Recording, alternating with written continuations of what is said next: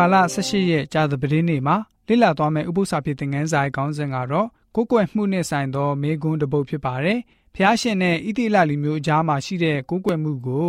ဘ ਹੁ ပရိညင်ထားရှိခြင်းလို့သတ်မှတ်ပါတယ်။ဒီကမ္ဘာလုံးမှာရှိတဲ့သူတို့ရဲ့ပတ်ဝန်းကျင်လူတွေနဲ့ကွာခြားချက်ကတော့သူတို့ဟာစစ်မှန်တဲ့ဖျားကိုကိုးကွယ်ကြပါတယ်။လောကမှာရှိတဲ့လူတွေကိုးကွယ်ချီးကပ်တဲ့နတ်ဖျားတွေနတ်ဖျားမတွေကိုစန့်ကျင်ပြီးတော့မှားတက်တည်ပြကြပါတယ်။ အဲ့ဒီနတ်တွေဟာဖျားမဟုတ်တဲ့ကြောင်းကိုတက်တည်ပြကြပါတယ်။တရားဝကျမ်းခန်းကြီး32ငွေ39မှာငါသည်ကိုယ်တိုင်အားဖြင့်ဖျားဖြစ်ကြောင်းကို၎င်းငါမှတပါအခြားသောဖျားမရှိကြောင်းကို၎င်းကြည့်ရှုကြလောဆိုပြီးတော့ဖော်ပြထားတာတွေ့ရပါတယ်။တရားဝကျမ်းခန်းကြီး4ငွေ19တရားဝကျမ်းခန်းကြီး10ငွေ19တရားဝကျမ်းခန်းကြီး7ငွေ16နဲ့တရားဝကျမ်းခန်းကြီး30ငွေ18ကိုဖတ်ပါမယ်။ကျမ်းချက်တွေရဲ့ ရေဘူးရတူညီတဲ့အချက်ကဘာလဲဆိုတာကိုကြည့်ကြပါစို့မိုးကောင်းငင်ကိုမျှော်၍နေလကျဲများဒီဟုသောမိုးကောင်းငင်တစားရှိသမျှတို့ကိုမြင်သောအခါသင်တို့၏ဖျားသခင်ထတော်ဖျားသည်မိုးကောင်းငင်အောက်၌ရှိသမျှသောလူမျိုးတို့အားဝေငှပေးကမ်းတော်မူသောထိုတစားတို့ကိုဝတ်ပြုကုကွယ်စေခြင်းကသူတစ်ပါးတို့သည်သွေးဆောင်၍မရနိုင်မည်အကြောင်းကိုကိုကိုတတိပြုကြလော့ တင်းဖျားသခင်ထတော်ဖျားကိုတင်းသည်မေ့လျော့သဖြင့်အခြားတစ်ပါးသောဖျားတို့ကိုစီကပ်၍ဝတ်ပြုကိုးကွယ်လင်ပျက်စီးခြင်းတို့အမှန်ရောက်လိမ့်မည်ဟုယနေ့ငါသည်တင်းတစ်ဖက်၌တတ်သိခံ၏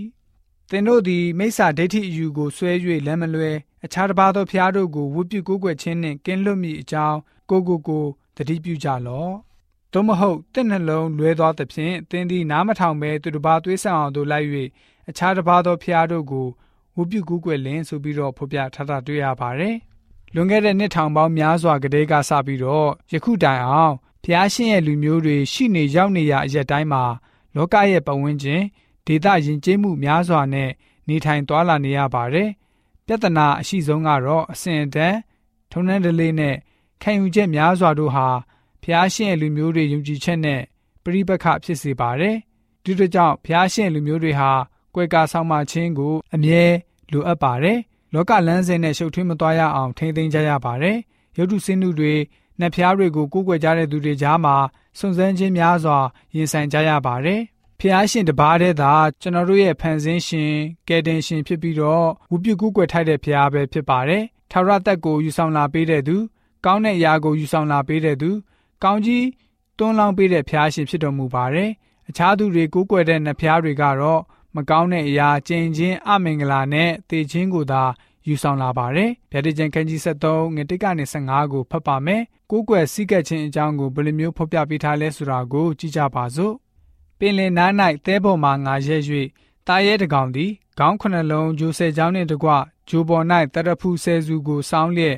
ခေါင်းပေါ်၌လည်းဖျားသခင်၏အသေးတော်ကိုရှုတ်ချသောနာမရှိလျက်ပင်လယ်ထဲကတက်တီကိုမြင်၏ထို့သောငါမြင်သောတာရဲသည်ကျတဲ့နှင့်တူ၏ သူ၏ခြေသည်ဝန်ခြေကဲ့သို့ဖြစ်၏သူ၏နှုတ်သည်လည်းချင်းသေးနှုတ်ကဲ့သို့ဖြစ်၏နဂါးသည်မိမိတကိုးနှင့်မိမိပလင်ကို၎င်းကြီးစွာသောအာနာဇက်ကို၎င်းတာရဲ၌အပ်ပေ၏တာရဲ၏ခေါင်းတစ်လုံးသည်တေအောင်ကွမျက်ပြီးတကဲ့သို့ဖြစ်၍တေစီသောဒဏ်ချက်သည်ပျောက်လျက်ရှိ၏မြေကြီးသားအပေါင်းတို့သည်တာရဲနောက်သို့လိုက်၍ အံ့ဩကြ၏ထိုတာရဲ၌အာနာဇက်ကိုအပ်ပေးသောနဂါးကိုကူးကွယ်ကြ၏တာရဲကိုလည်းကူးကွယ်၍အဘယ်သူသည်တာရဲနှင့်တူသည်နည်းအဘယ်သူသည်သူ့ကိုစစ်ပြိုင်နိုင်သည်နည်းဟုပြောဆိုကြ၏ထိုတာရဲသည်လည်းကြီးစွာသောစကားကို၎င်းဖျားသခင်ကိုပြစ်မှားသောစကားကို၎င်းပြောတတ်သောနှုတ်နှင့်ပြည့်စုံ၍လ42လပတ်လုံးစီရင်ရသောအခွင့်ကိုရ၏ဖျားသခင်ကိုပြစ်မှားသောစကားအဖြစ်နာမတော်နှင့်တဲတော်ကို၎င်းကောင်းငင်သားတို့ကို၎င်းပြစ်မှားခြင်းကနှုတ်ကိုဖွင့်ထား၏ တန်ရှင်းသူတို့ကိုစစ်တိုက်၍နိုင်ရသောအခွင့်ကိုရ၏အသီးအသီးဘာသာစကားကိုပြောသောလူအမျိုးနွယ်ခသိန်းတို့ကိုအုပ်စိုးရသောအခွင့်ကိုလည်းရ၏ကွမြတ်သောတိုးတငယ်၏အသက်စာဆောင်၌ကဘာဦးကပင်စည်ရင်မဝင်သောမြေကြီးသားအပေါင်းတို့သည်တာရဲကိုကူးကွယ်ကြ၏နားရှိသောသူမည်သည်ကားကြားပါစေသူတစ်ပါးကိုဖမ်းဆီးယူသွားသောသူသည်ကိုယ်တိုင်ဖမ်းဆီးယူသွားခြင်းကိုခံရလိမ့်မည်ဓာဖြင့်တတ်တတ်သောသူသည်လည်းကိုယ်တိုင်ဓာဖြင့်တေရမည်ဤအရာ၌တန်ရှင်းသူတို့သည် တီးခံစရာအကြောင်းယုံကြည်စရာအကြောင်းရှိ၏အခြားသောတာရဲတကောင်သည်တိုးတငယ်ဤဂျိုနှင့်တူသောဂျွန်းနှချောင်းရှိ၍ငကားကဲ့သို့စကားပြောလက်မြေကြီးတဲကထွက်သည်ကိုငါမြင်၏ထိုတာရဲသည်သူ့အရင်ဖြစ်သောပထမတာရဲဤအာနာဇက်ရှိသမျှကိုတုံးဆွဲ၏တေစီသောဒဏ်ချက်ပြောက်ခဲ့ပြီးသောပထမတာရဲကိုမြေကြီးမှဆ၍မြေကြီးသားတို့သည်ကိုးကွယ်စေခြင်းကပြု၏ကြီးစွာသော နမိတ်လက္ခဏာတို့ကိုလည်းပြ၏လူတို့မျက်မှောက်၌ကောင်းငင်က မြေကြီးသို့မိကိုဆင်းစေ၏ပထမသားရဲ့ရှေ့၌ပြပိုင်သော နမိတ်လက္ခဏာတို့အားဖြင့်မြေကြီးသားတို့ကိုလှည့်ဖြား၏ဒါနှင့်ခုတ်သောဒဏ်ချက်ကိုခံရ၍အသက်ရှင်သေးသောသားရဲ့ဤရုပ်တုကိုလှုပ်စေခြင်းကမြေကြီးသားတို့ကိုမှားထား၏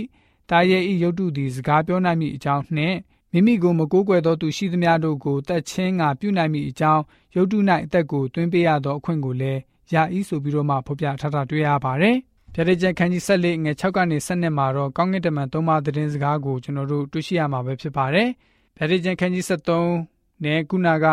ကောင်းကင်တမန်သုံးပါးသတင်းစကားအကြောင်းအရာချင်းကဆင်တူမဖြစ်တော့လည်းပဲဆိုလိုချက်ကတော့အတူတူပဲဖြစ်ပါတယ်။စစ်မှန်တဲ့ဖျားကိုကိုးကွယ်ပြီးတော့လူတွေဟာအသက်ရှင်ပါလားဒါမှမဟုတ်စစ်မှန်တဲ့ဖျားကိုဆန့်ကျင်ပြီးတော့မှားယွင်းတဲ့နတ်ဖျားတွေကိုစိတ်ကပ်ခြင်းအပြင်ကြောင်းရွံ့တုံလို့ပြီးတော့နောက်ဆုံးမှတည်ခြင်းကိုရင်ဆိုင်သွားမှာလား အဲ့ဒီအဖြစ်ကိုဖြစ်ဆိုဖို့ကတော့လူတိုင်းရဲ့နှလုံးတွင်းမှာပဲရှိနေကြပါတယ်ရှေးဣတိလလူတွေကိုဖျားရှင်အတင်းအကျပ်ခေါ်ပြီးတော့ဖျားရှင်နောက်တော်ကိုလိုက်ပါဖို့မပြုတ်ခဲ့ပါဘူးအတင်းအဓမ္မမလုပ်ပါဘူးကျွန်တော်တို့ကိုလည်းပဲထုံနည်းတူပဲဖြစ်ပါတယ်ဗျာဒိကျန်ခန်းကြီး73ကိုဖတ်ရတဲ့အခါမှာအတင်းအကျပ်လှုပ်ဆောင်တတ်သူကတော့တားရဲဖြစ်ပြီးတော့သူ့ရဲ့အမှတ်တစိတ်ကိုအတင်းအကျပ်ခံယူဖို့ပြုလုပ်ပါတယ်ထာဝရဘုရားရှင်ကတော့မေတ္တာတော်နဲ့သာ